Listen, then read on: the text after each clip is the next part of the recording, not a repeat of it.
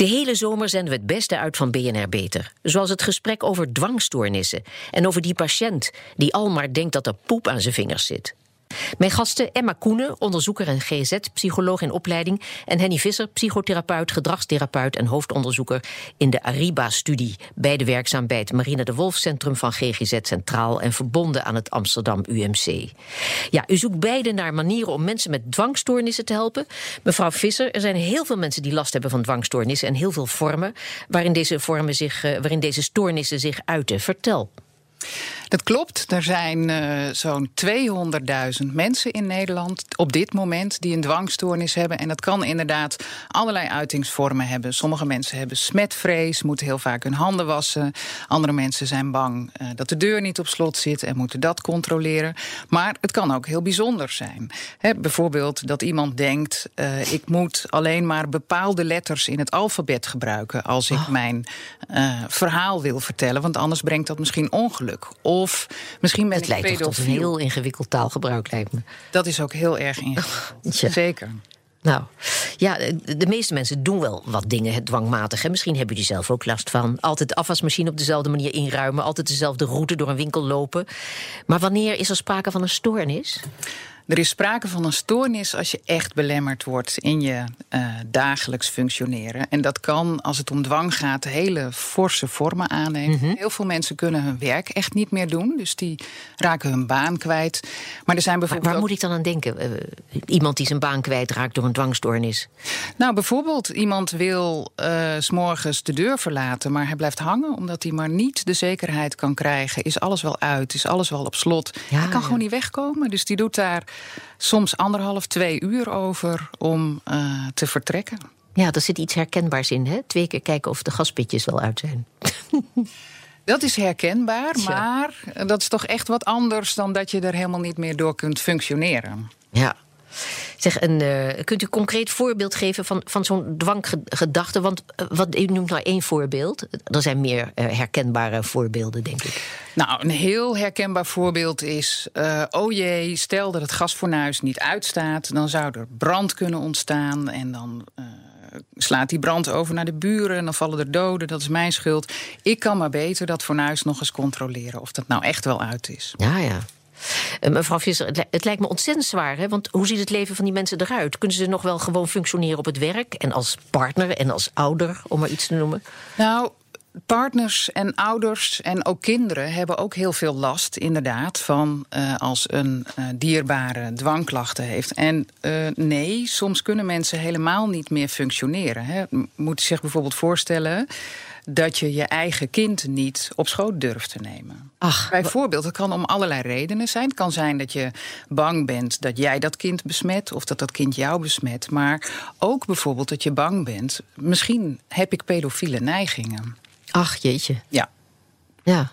Dus dat heeft dan enorme consequenties ook voor de ontwikkeling van zo'n kind. Ja.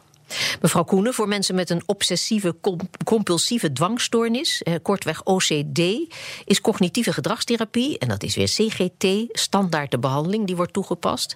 Vertel, wat is dat voor therapie? Wat, wat houdt die behandeling in? Ja, CGT is inderdaad de standaardtherapie. En mm -hmm. het gaat er eigenlijk om dat je um, situaties die je, die je zou vermijden vanwege je dwang, dat je die juist op gaat zoeken. Bijvoorbeeld iemand met smetvrees die angst heeft om die deurklink aan te raken, die zal samen met die therapeut een hele hoop uh, deurklinken aan gaan raken. En daarna niet zijn handen gaan wassen.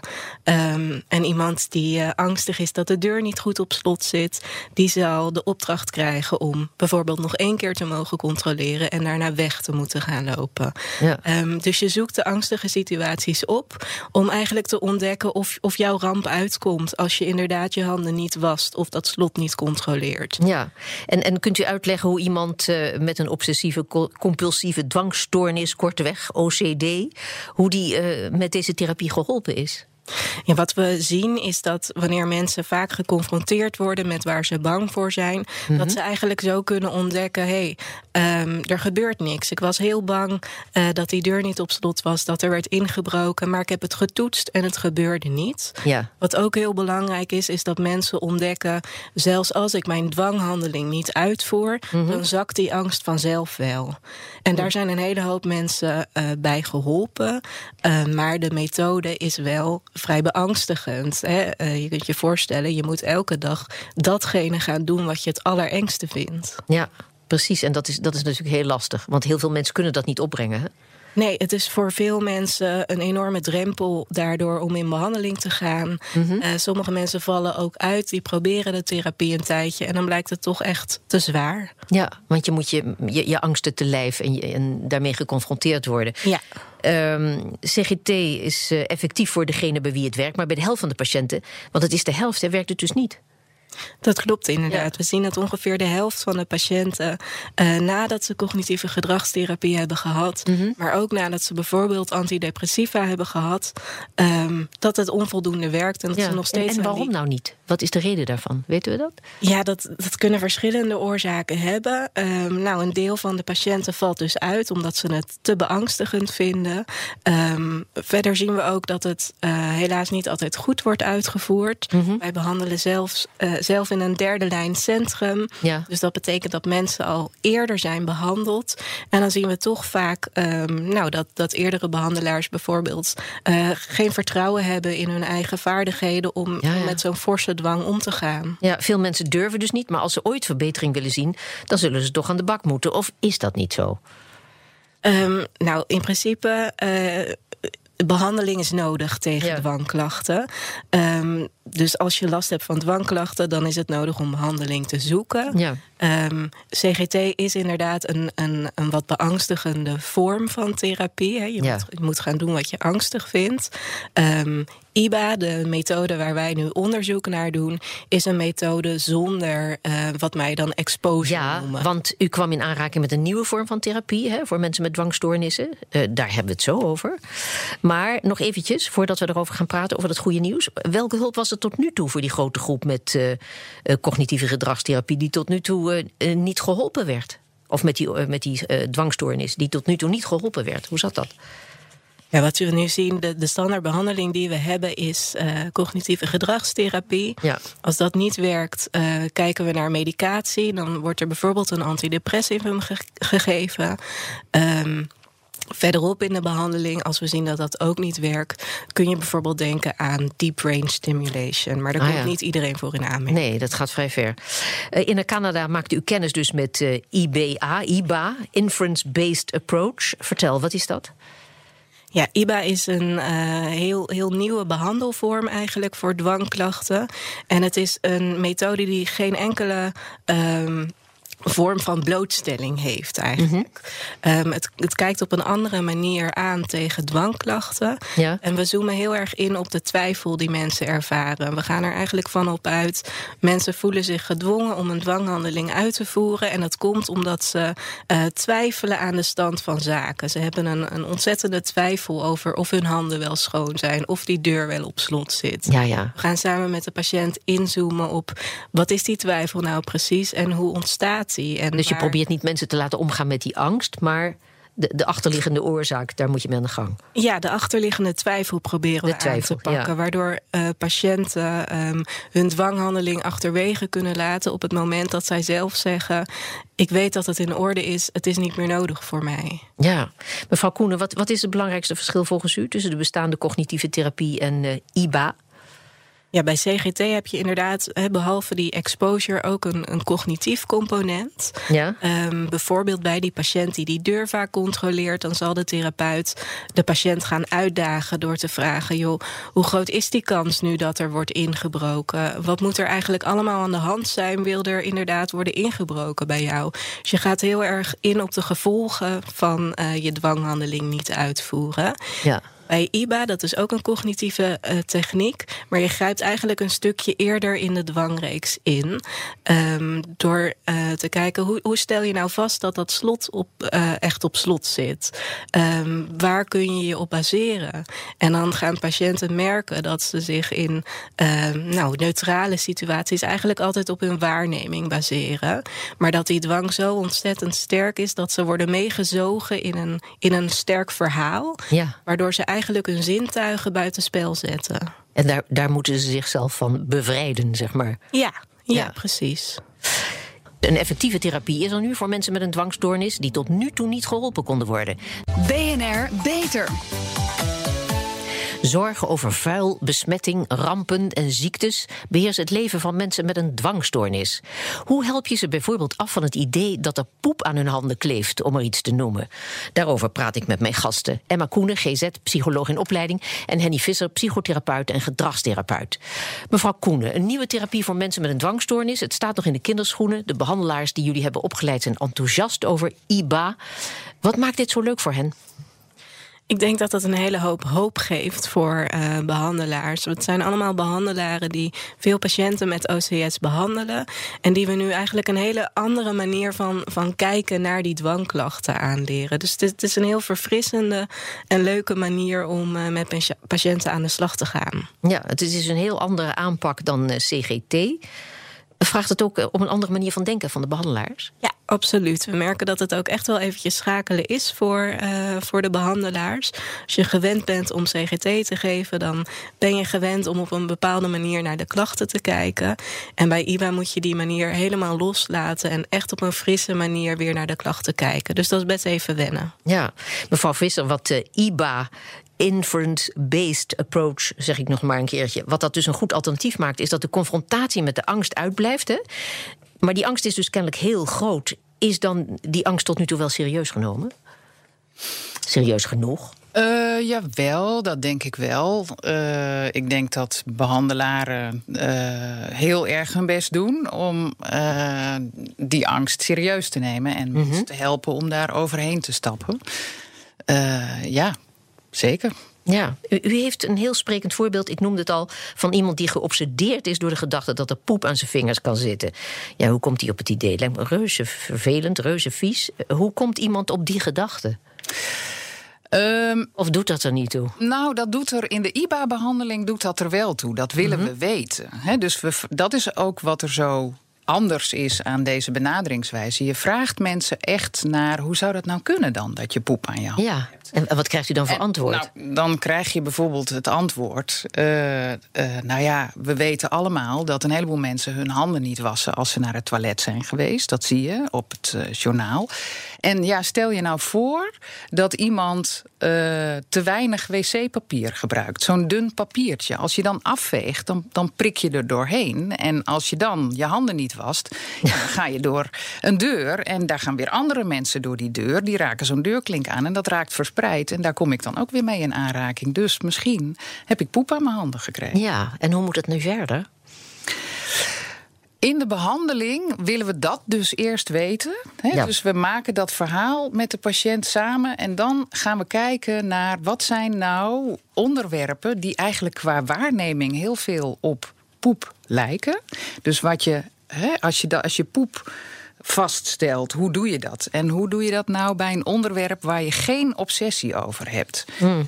En dan gaan mensen nadenken over... Ja, wat meteen aan een Sinterklaas surprise. Nou, inderdaad. Hè, dus ontbijtkoek is bijvoorbeeld natte ontbijtkoek. Zou een voorbeeld zijn. Maar pindakaas is bijvoorbeeld ook een heel duidelijk voorbeeld. Hè. Als je mensen dan vraagt, heb je op dit moment pindakaas aan je handen?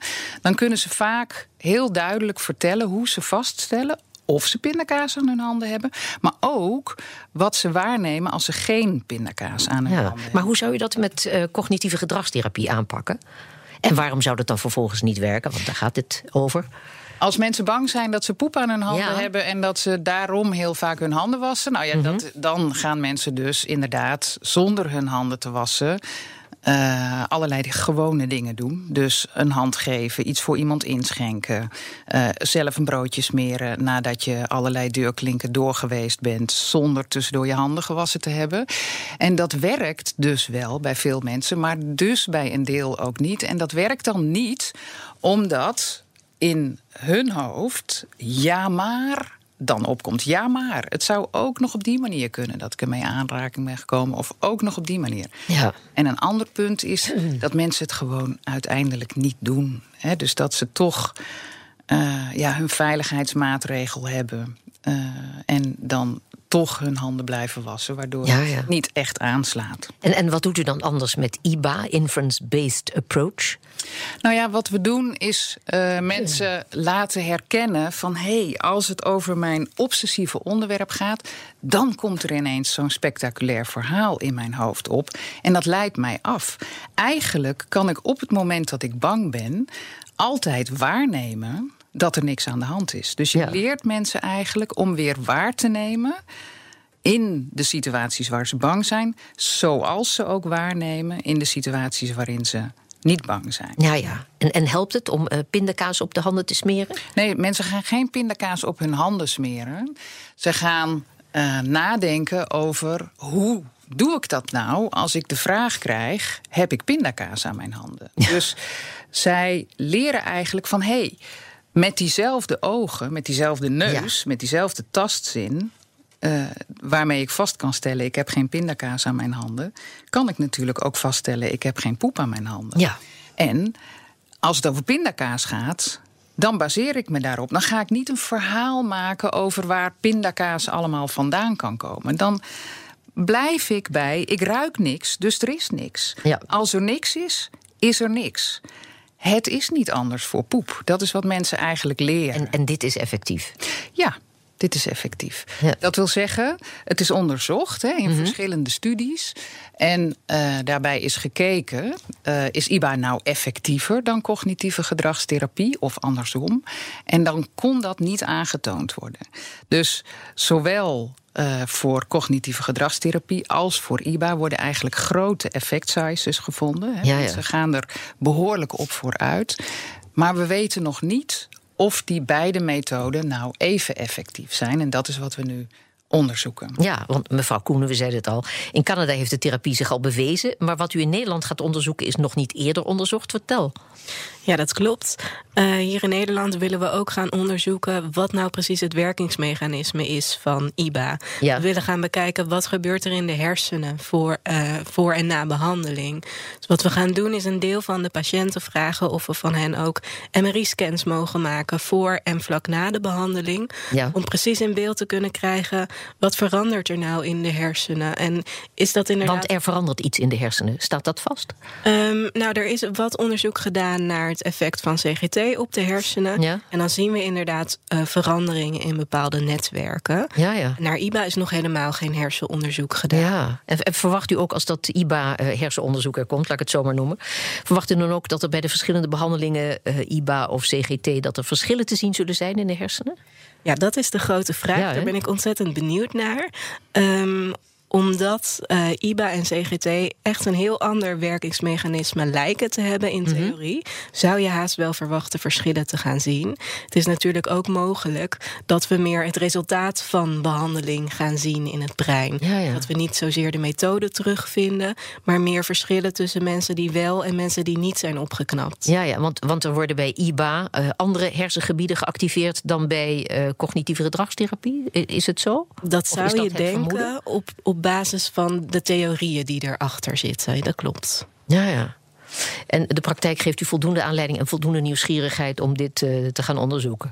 Absoluut, ja. Ja. Ehm, er is eigenlijk nog helemaal niks bekend over het werkingsmechanisme van IBA. Mhm. Op het moment dat we beter weten wat is het nou dat, dat maakt dat het werkt, Ja. kunnen we ook de behandeling zo effectief mogelijk aan gaan bieden. Ja, mevrouw Visser, hoe zit het met de houdbaarheid van de resultaten? Ziet u bij eh, cognitieve gedragstherapie dat mensen adequaat leren omgaan met hun dwangstoornis?